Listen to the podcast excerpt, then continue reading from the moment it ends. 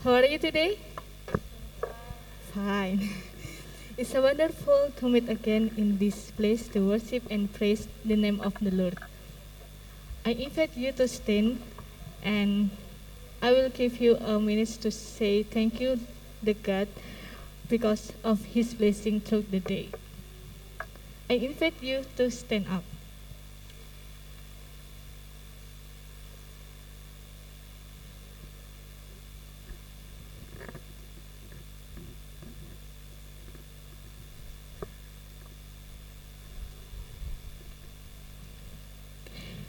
Am to worship you, Jesus. Here I am to bow down. Here I am to say that you're my God. Let's sing a song. Here I am to worship.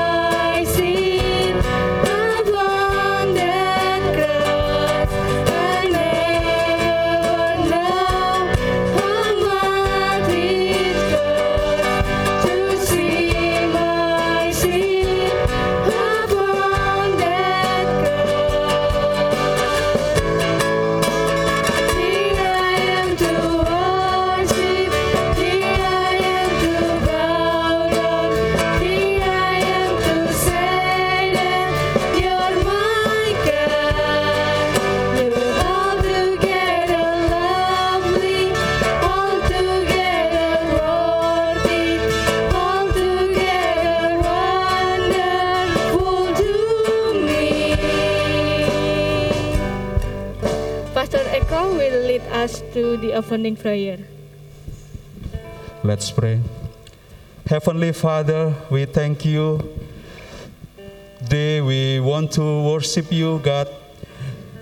Here we are to worship you, to adore you, and give uh, all praise and uh, all uh, grateful that you show your love uh, for us. Let us, God, in Jesus' name we pray. Amen. Thank you, Pastor Eko. Let us still stand. Jesus, you are the Savior of my soul, and forever and ever I will give my praise to you. Let's sing King of Majesty.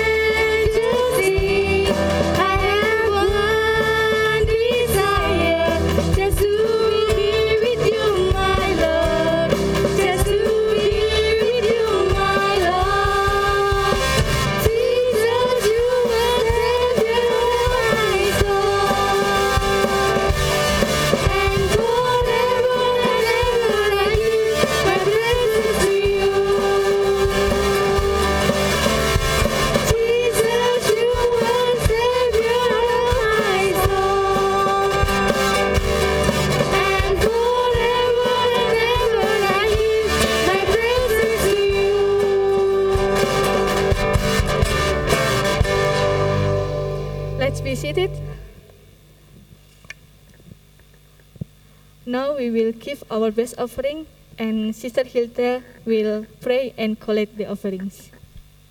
Let's pray. Holy Father in heaven, we give give us thanks for this opportunity that God has given us, so we can worship together today. And now we will give what is yours. Bless this stage and offering in order to expand your kingdom in the place. Please bless for every hand that has given. God will return the blessing to them, and please bless for the hands that are not able to give. You will bless to them. So in the next time they can, they can give what is yours. Thank you, God. In Jesus' name we pray and thankful. Amen.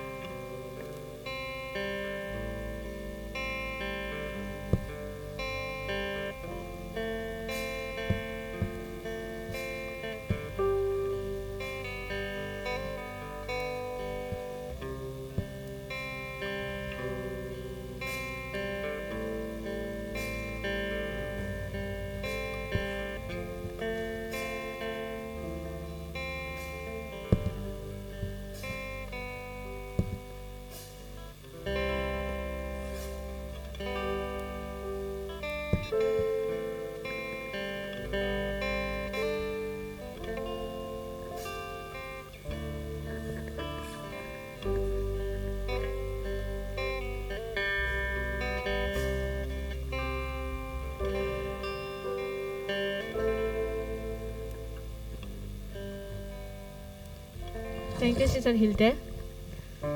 Brothers and sisters, let us prepare our hearts and focus our minds to the gospel from Pastor John Roth. Uh, let us stand again and sing still.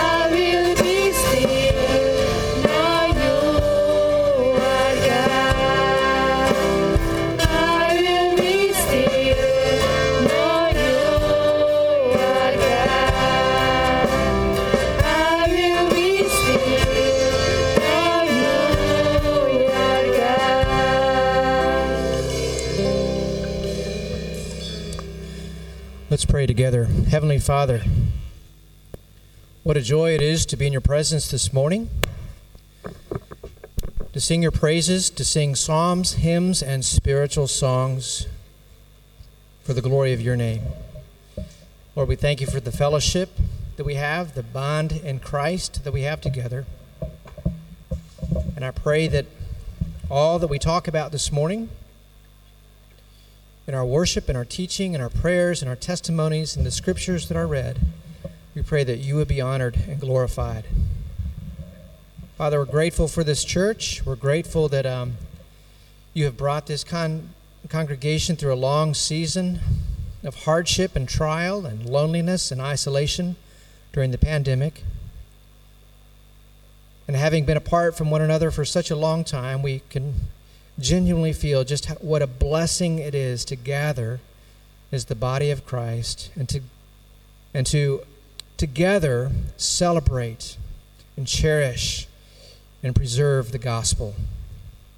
Thank you for being with us this morning. We pray these things in Jesus' name. Amen. Thank you. You may be seated. I've asked uh, Chris if she would to begin our the sermon time this morning by uh, providing some special music.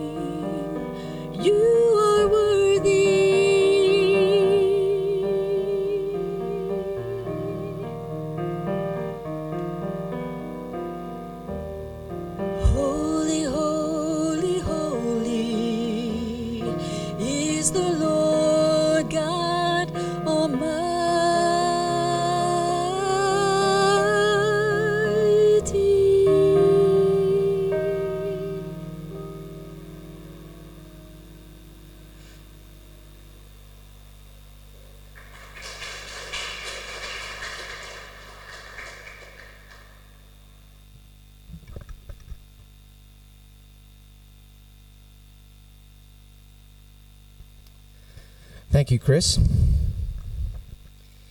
It is our pleasure to be here with you this morning, to have an opportunity to worship with you. I always enjoy and find great joy and having an opportunity to to preach the gospel, to teach uh, from the Word of God here at Chandi Baptist Church. And in keeping with the theme for this month, this morning we're going to be talking about coming before the Lord together and edifying one another through psalms, hymns, and spiritual songs. Uh, what we've been doing to this point together in our worship service. And we're going to be looking at Ephesians chapter 5, verses 18 through 20, and also Colossians chapter 3, verse 16. Ephesians chapter 5 and Colossians chapter 3. Now, I have the privilege of teaching a course on worship and church music at our beloved uh, STBI. So, in preparing for the theme of this month, the problem wasn't finding out what to say, rather, it was trying to decide what to leave out, because I teach an entire course on this material.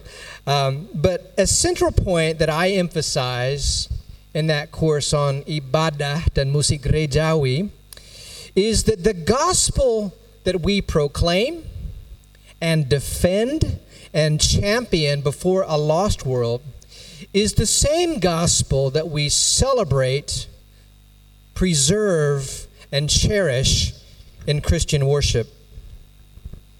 Christian worship is designed around the identity and the saving work of Jesus Christ, who alone reconciles us to triune God. Our worship centers around the gospel, celebrating the gospel together. The gospel infuses the songs that we sing, the testimonies that we share, the preaching and the teaching, the readings from the word. The gospel infuses the prayers and also the ordinances that we celebrate together. Christian worship itself then simultaneously culminates in as and proclaims the gospel serving as the basis for our fellowship together. So, I would like for us to consider this morning two roughly parallel passages in Paul's epistles that contain the phrase psalms, hymns, and spiritual songs. We'll look at Ephesians chapter 5 and Colossians chapter 16. That, that key phrase, psalms, hymns, and spiritual songs, as we consider this gospel thrust and the songs for Christian worship.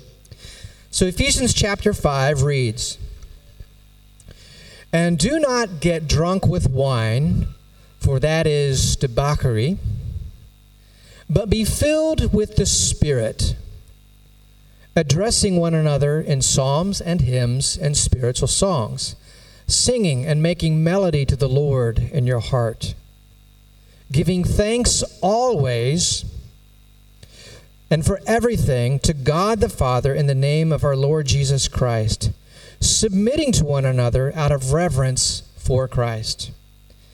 And then the verse from Colossians reads, Let the word of Christ dwell in you richly, teaching and admonishing one another in all wisdom, singing psalms and hymns and spiritual songs with thankfulness in your hearts to God.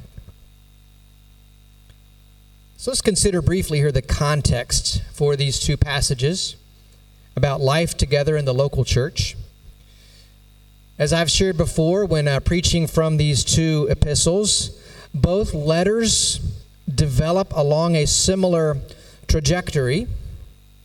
After a loaded gospel centered salutation, emphasizing Paul's apostolic calling, they quickly move into deep theology and then deep Christology, and then after that, they move into uh, the impact of the gospel in our lives individually and collectively as the body of Christ. And then the content presses deeply into what we independently and together put off, what we leave behind, and then also what we put on, how we together move towards spirit filled living and Christ likeness as we share life with one another in the body of Christ, in the church. And then from there, in both of these letters, we find admonitions regarding marriage and parenting and family life and uh, work ethic. Paul then lists some very personal prayer requests. And then at the end of both of these letters, he starts naming names people to pray for, people to say hello to, people to, to greet with a holy kiss. So, the passages that we're looking at today, that we're considering right now, are found in the middle of these two exhortations regarding body life or gospel focused life together in the church, where we practice the one another commands and live in communal covenant agreement, a Baptist distinctive. And these words give insight then into what ought to be our house culture, how we live and interact together, what we talk about on a daily basis, what we gravitate toward together, the reasons for our chasing after mutual forgiveness, giving and receiving forgiveness, the reasons that we safeguard holiness, and why we show mercy and love and compassion to one another. He talks about why we fight for and guard gratitude within our body, how we practice gospel centered accountability, and how we remind each other of these eternal and epic truths and help each other keep our hearts and minds fixed on what inspires our hope to things beyond this world. In other words, we, we keep each other, we're taught how to keep each other in a healthy spiritual place as together we move toward full maturity in Christ. So these two passages are very rich in theology and ecclesiology. At the same time, they are very practical and down to earth. So I would like to just emphasize a few main points from these two texts that we just led to begin. What is the nature and the purpose of music in Christian worship and life that we can understand from this context and Paul's references to the terms psalms, hymns, and spiritual songs? What does Paul exhort us toward here through music? And what is the end toward which music is employed in the church? I have just a, a few introductory points I'd like to emphasize.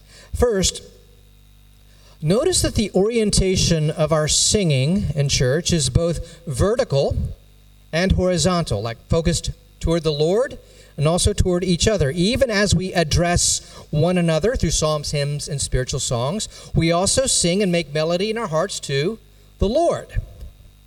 So, our repertoire of songs in Christian worship should at least recognize and maintain these important orientations. Second, notice also that these distinctive this distinctive phrase, psalms, hymns, and spiritual songs, is taken in step with other commands or other imperatives here. It's embedded within other one another commands as part of a list of ways that we are to relate to and interact with each other. The imperatives begin with be filled in Ephesians, address, and then comes sing, give thanks, and submit. In the Colossians passage, it begins with let the word dwell, and then teach and admonish. So in the Colossians passage, the singing and, and doing so with thanksgiving in your heart stands as a qualifier as to how we approach the earlier imperatives of being filled with the Spirit and addressing one another. Third, Notice that in Ephesians, the other commands or the other imperatives flow out of the first one to be filled with the Spirit, indicating that these things, the singing and the thanksgiving, are the natural expression of being Spirit filled.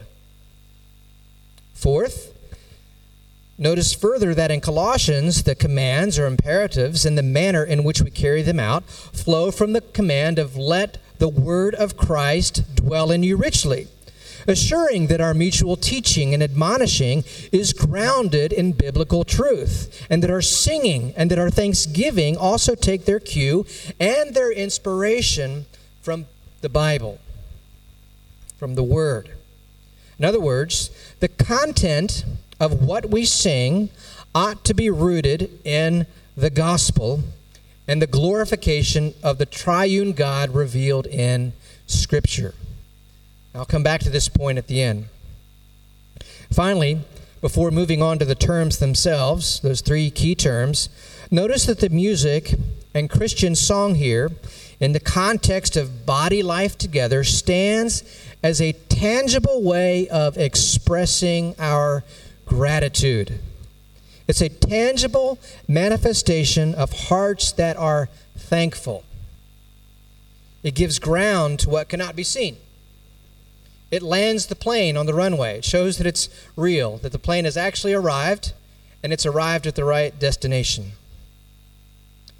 Now let's spend a few moments then on these three terms psalms, hymns, and spiritual songs. What is meant by these specific song categories? Or genres or forms? There's really a spectrum of views or understandings about this, both of all of which point to great possibilities. But I want to emphasize that the scripture is largely silent when it comes to the issues of musical style. Here we find a reference to three terms or categories of songs, right? Psalms, hymns, and spiritual songs. But in general, we're given very little regulative guidance on musical sound and musical style in Scripture. We know very little about the sound of music in the periods of the Old Testament and the New Testament. Though we do have terms like these psalms, hymns, and spiritual songs, we have names of instruments, there's references to singing, commands for worship and singing and making a joyful noise. There are, there are descriptions of worship in its cultural context. However, we don't have extensive details about the music, the actual music, the scales, the tempos, the specific melodies, the textures, the ranges, the formulas, the forms, the musical styles. The Bible is not a musical treatise, and we don't have the actual songs. We know that the Psalms were sung, but we don't know how they went. We have lots of regulative guidance on worship and principles of worship, both in the Old and New Testaments, even, even commands to sing a new song. But the realization and implementation of these is left to us, the local church to do the hard work of discerning, even discriminating, and developing together within our body, under the guidance of the Holy Spirit, worship that is acceptable in the Lord's sight and it is appropriate for this context, under the guidance of the Spirit, under the guidance of the Word, recognizing the cultures and the tastes and the facilities that we have at our fingertips, that are at our disposal. That is why many church musicians and theologians recommend we understand the scriptures in a normative sense on this issue, not just in a regulative sense. As long as the scriptures don't forbid something, we consider it a possibility under the guidance of the Spirit and the counsel of the Word and the expressed wisdom of the local congregation. Now, the New Testament, in fact, speaks more about principles and patterns of worship and what binds us together as believers than it does about musical details. Again, the Bible is not a musical treatise. However, it is sufficient in its guidance to us on what is acceptable Christian worship. It gives guidance that is focused and provides complete information and explanations that we need. Concerning the sound of music, though, as we find here, there are only a few mention of song types psalms, hymns, and spiritual songs. But outside of all this, all the teachings are inclined to focus on, on the heart and the manner of appropriate worship in the Christian community and the efficacy or the usefulness of true worship to edify the congregation as an opportunity to appreciate and safeguard the purity of the gospel and protect a healthy theological perspective. So let's look at these three terms. On this issue of the three terms, as you can imagine, since they're vague, there is a lot of debate and a lot of speculation as to what they actually mean. On the one hand, some theologians would say that these terms refer to specific and meaningful categories of song recommended for the church. So, Psalms, refers to how the early church retained the Jewish tradition of psalm singing that was so common in the temple and the synagogue and possibly private devotional worship of the Old Testament period. So, by singing songs or psalms, this enabled the early church to preserve and maintain the continuity of their faith with their heritage as God's chosen people from the Old Testament period.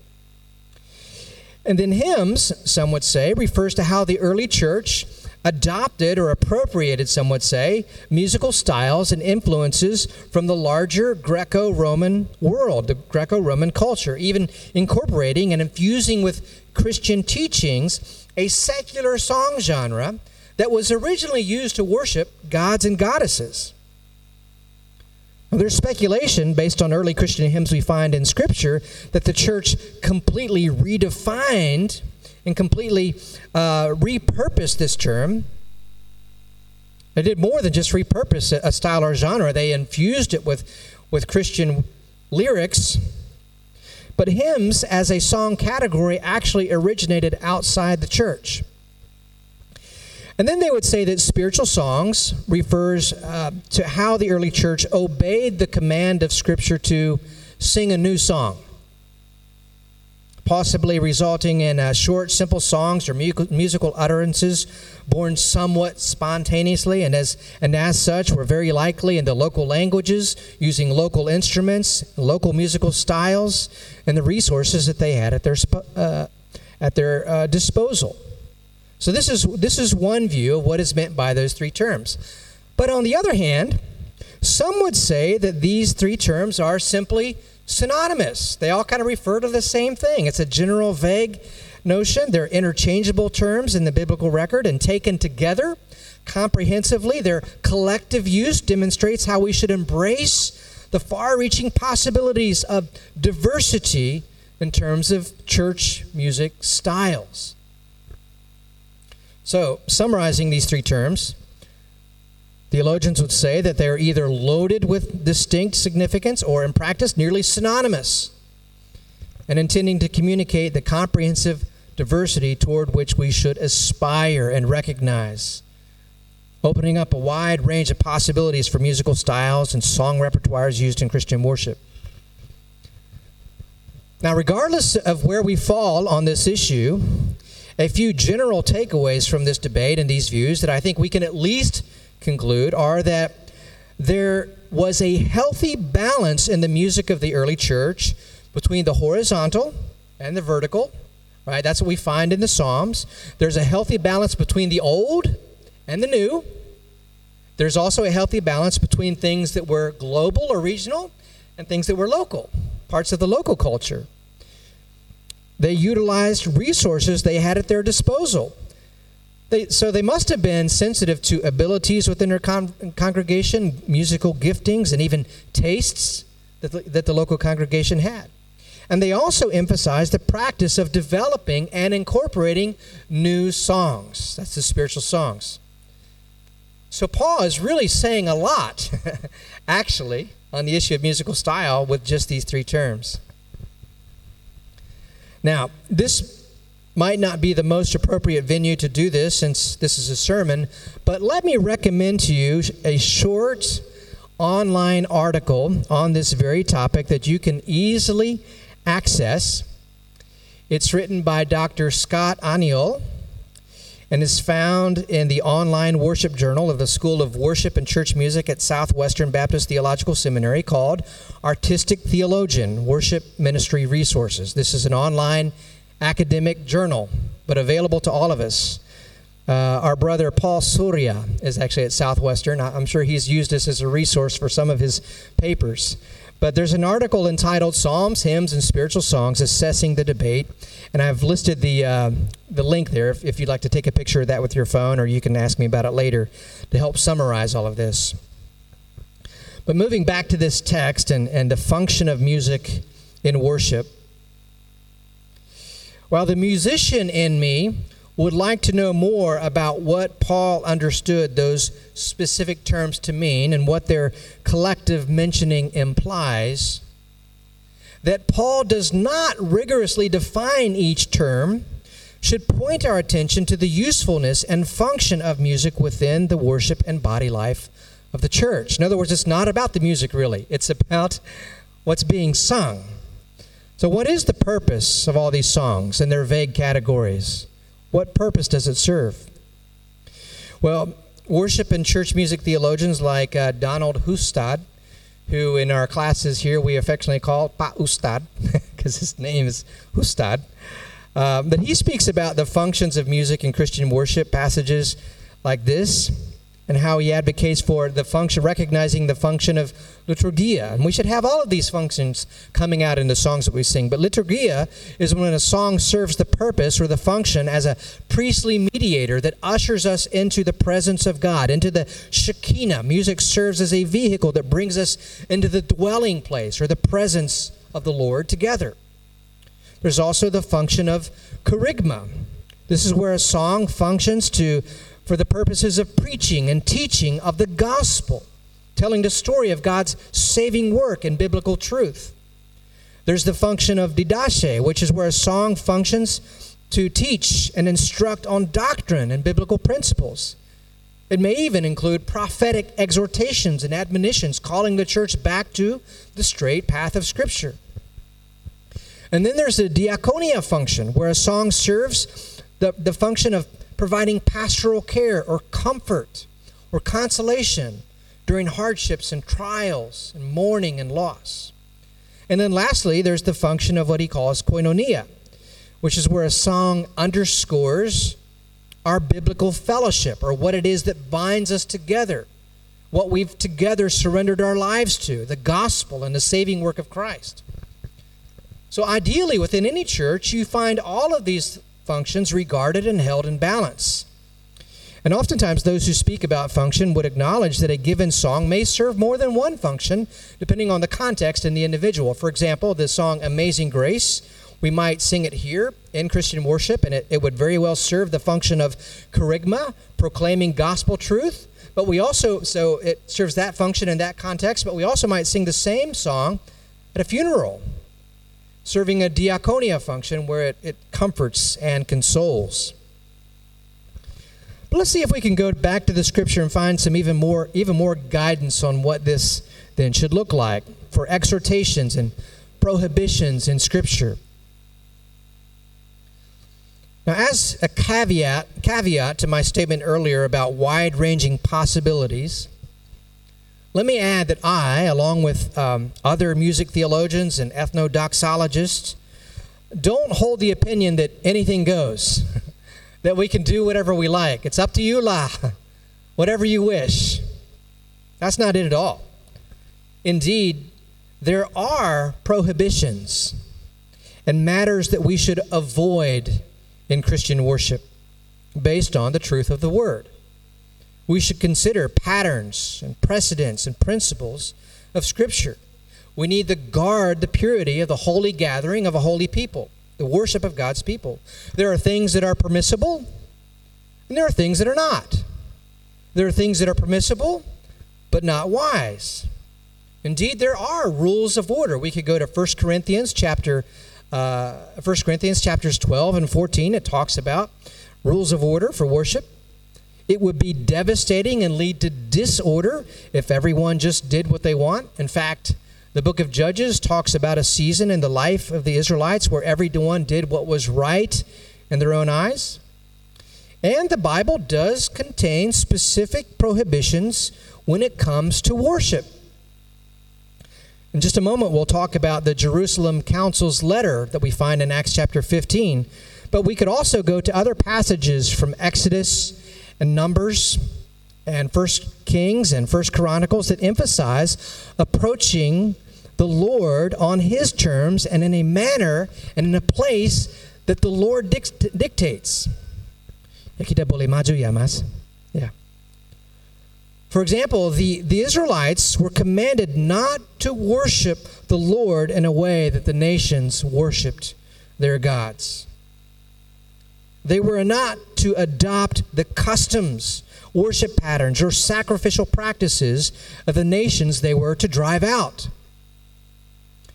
And Jeroboam's sin, referenced numerous times in Kings and Chronicles, was precisely that he tried to displace and redefine the terms, the manner, and the place the Israelites were to worship the one true God.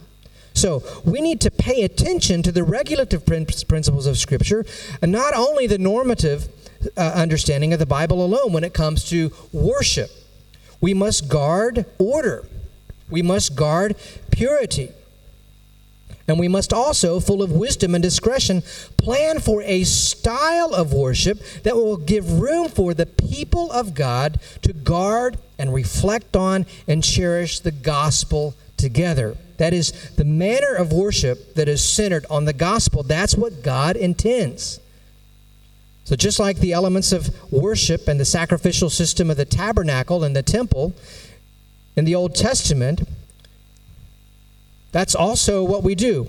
Why was Jeroboam's sin so devastating? Why was it so grave? Because it distracted from a pattern of worship that was intended to point God's people toward Christ and his gospel.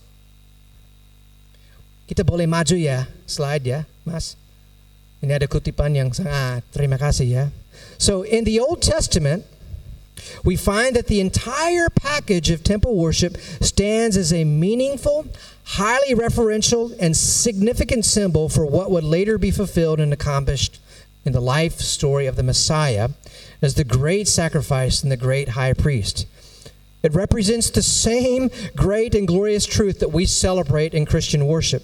That's why we must honor and preserve the gospel, the gospel's centrality in our worship. The gospel we proclaim to a lost world is the same gospel that we preserve and celebrate and cherish in Christian worship. So, moving forward, let's then talk more about the lyrics and gospel centered content. Now, regardless of the fact that Paul was mentioning these three terms psalms, hymns, and spiritual songs to people who would have understood what he meant by them, it's clear from Paul's silence on the details that styles and genres, right, arrangements, instrumentation, history, and cultural context, styles and genres, genres are not as significant as the text, the content of the songs. So our attention must always gravitate toward the message being delivered through a song. That being the case, the musical style and the actual sound of the music will always be subservient to the text or the lyrics. And the text and the lyrics that we sing are very important. The songs that we sing in Christian worship both reflect and inform our theology. That's why it's best to sing songs that, that walk closely with the scriptures rather than simply extrapolating on personal experience. Like the song that Chris sang earlier, every word of that song comes straight from scripture.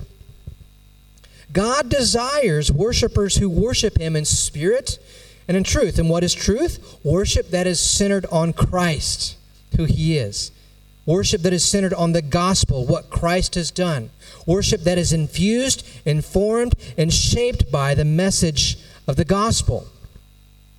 The gospel provides the contour for the elements of our worship, right? The songs, the prayers, the readings, the teachings, the offerings, the ordinances. The gospel provides the contour for the forms of our worship. In other words, the styles that heed the regulations and principled guidance of Scripture. The gospel provides the contour for the content of our worship. Lyrics that are about the deity of Christ, the atoning work of Christ, his resurrection, and his promised return. And the gospel provides the contour for the order of our worship. Christian worship moves us toward remembrance of the gospel, reflection on the gospel, and response to the gospel of Christ, his sacrifice and saving work. Now, by guarding the pure content of the gospel, it also protects us from idolatrous corruption. This brings us back to Acts chapter 15. A few moments ago, I referenced the Jerusalem Council and the letter they issued. It's recorded in Acts chapter 15. It deals with the issue of how much and to what extent new Gentile believers resulting from Paul's apostolic ministry would need to adopt the Mosaic law. The point of the letter that the council issued was to guard the purity of the gospel and the spiritual uh, health and relational fellowship of the now rapidly expanding global body of Christ. But it was also aimed at preserving the purity of Christian worship. Why? Because several of the matters they prohibited were directly associated with the idolatrous practices of pagan worship in the Greco Roman world, much akin to the idolatrous pagan practices the Israelites encountered when they entered the promised land and drove out the Canaanites. So the letter also reminds us to guard against any idolatrous practices penetrating the manner of our worship. And we shouldn't simply dismiss these prohibitions and say, well, we don't strangle goats, we don't drink blood, so this doesn't apply to us. No, because we also have idols in our culture. We have our own version of idolatrous, pagan, worldly tendencies and secular practices that can easily penetrate the way that we worship. So we should see this Acts passage, therefore, as moving us toward a careful heart check on the ways idolatry might invade our modern worship styles or how it might have influenced the industry of worship renewal. You may ask, what are the threats of idolatry in our age that might come to bear in our style and manner of worship? Well, how about, how about these? Materialism and consumerism. yeah, it's all about the packaging. It's got to look good, right? It's a production. Individualism and narcissism. It's, it's a show. We put the star singers in the center of the stage. Globalism and an obsession with becoming like other cultures and nations who might be more considered more prestigious. Sometimes we idolize Korea or Japan or America. Padahal kita di Indonesia. Why do we turn other places into an idol and feel like we have to become like them rather than becoming like Jesus? What about this idol? Paternalism and traditionalism. We elevate tradition over the content of Scripture. That's tradition itself can become an idol. Or worshiping the prestige and reputation of institutions and denominations and trends in the Christian world. Sometimes what becomes an idol is a particular style of worship, the praise and worship movement, Hillsong, sovereign grace music, the music of the emergent church, the seeker friendly style, all of those different styles and trends as expressions of worship bear the potential of becoming their own types of idols in their own way that are a threat to the purity of our worship. So the Acts 15 message, the decision of the Jerusalem Council to guard the purity of the gospel, to guard the purity of our fellowship, and to guard the purity of our worship is still relevant today. We must guard the purity of our worship by grounding it in Christ and His gospel. He alone reconciles us to triune God, who alone deserves our worship. And this principle is relevant for the context of all church cultures and denominations, regardless of musical style. Now, we also shouldn't be more obsessed with the manner and matter that we are worshiping than the God we claim to worship. He alone is the focus of our worship, not us. In short, don't worship worship or allow yourself worshiping or worship itself to become an idol. Now, maybe there's a fine line there, but we must guard our hearts and take meaningful time for reflection on the motivations and focus of our worship. And lastly, coming back to this admonition to address one another, I would like to close this morning by giving us all an opportunity to simply obey the exhortation of this passage. Remember, the gospel we proclaim, defend, and champion before a lost world is the same gospel that we celebrate, that we preserve, and that we cherish in Christian worship. And we're told here to what? Be filled with the Spirit addressing one another in psalms and hymns and spiritual songs, singing and making melody to the Lord with your heart, giving thanks always and for everything to God the Father in the name of the Lord Jesus Christ, submitting to one another out of reverence for Christ. So, it's the addressing, the singing, the giving thanks, the submitting to you. that I want to obey this morning. I'll lead us in this by simply recommending to you an example of the kind of song that Scripture recommends to us. Here, one that is shaped by the gospel, contoured by the saving work of Christ. And then, since we're admonished in this passage to do this for one another, I'll invite you to join me in singing this song after the first stanza as we celebrate the gospel together. This has become one of my favorite modern Christian hymns. We're just going to sing it a cappella. It's called Come Behold the Wondrous Mystery. It's an invitation to come and behold together the saving work of Christ. And notice how each stanza of this hymn walks us through the gospel story, underscoring who Jesus is and what he's done. I'm going to ask my wife to come up and help me sing this. She has a my voice gets kind of ragged after preaching, but aside from that, she just has a really good voice. And so um, I appreciate the Lord's gifting that He's given her. So this hymn is called Come Behold the Wondrous Mystery.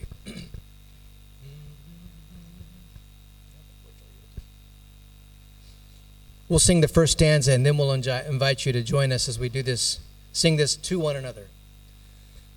Come behold the wondrous mystery in the dawning of the King.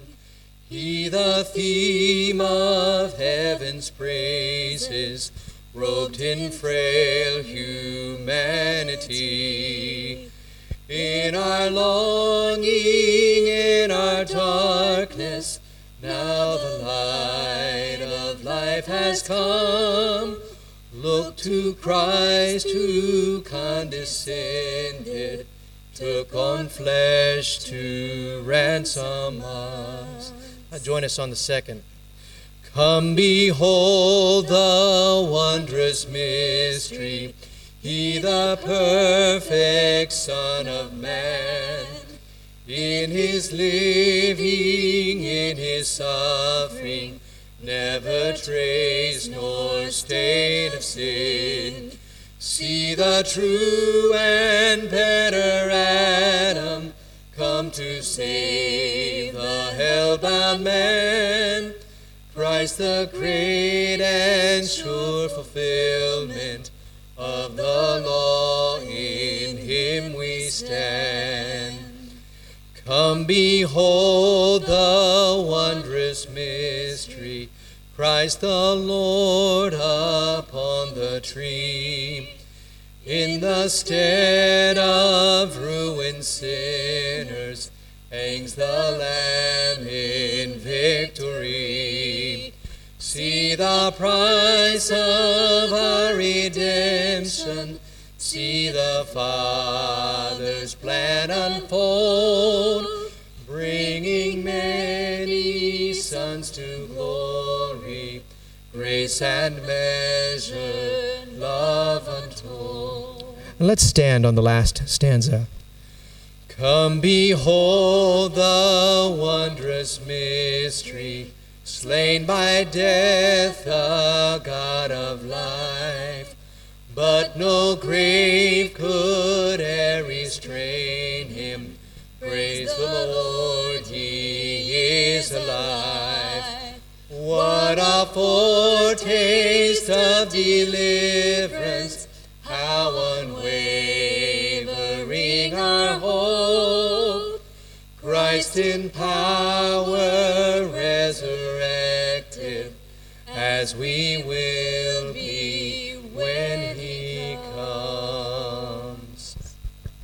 Amen. Let's pray. Heavenly Father, what a joy it is for us to come together this morning to celebrate, to preserve, and to cherish the gospel that defines our worship, that infuses our psalms, our hymns, and our spiritual songs. We're grateful that you've blessed us with this gift of singing that is an expression of the gratitude of our hearts because of your work that you've done within us. And our prayer is this morning, Lord, that you would be glorified even as you exalt us in Christ. Thank you for this hymn that we've been able to share together. that very clearly spells out for us that you, Jesus, are the Son of God, that you are God in the flesh who entered into creation, your own creation, to save us. That talks about how you died on the cross to pay the price for our sins, how you rose again in victory from the dead, giving forgiveness and eternal life to all who profess faith in you and have promised that you will return. And this message gives us great hope. And it is this message that has caused us to gather here today. And may the same gospel that we just preserved and celebrated and cherished together fuel our witness out in the world as we proclaim it, as we defend it, and as we live it out and champion its cause before those who are lost and dying. Thank you, Lord Jesus, for your presence with us this morning. And we pray to you, Father, by the Spirit, in the name of the Son, Jesus. Amen. Thank you. You may be seated.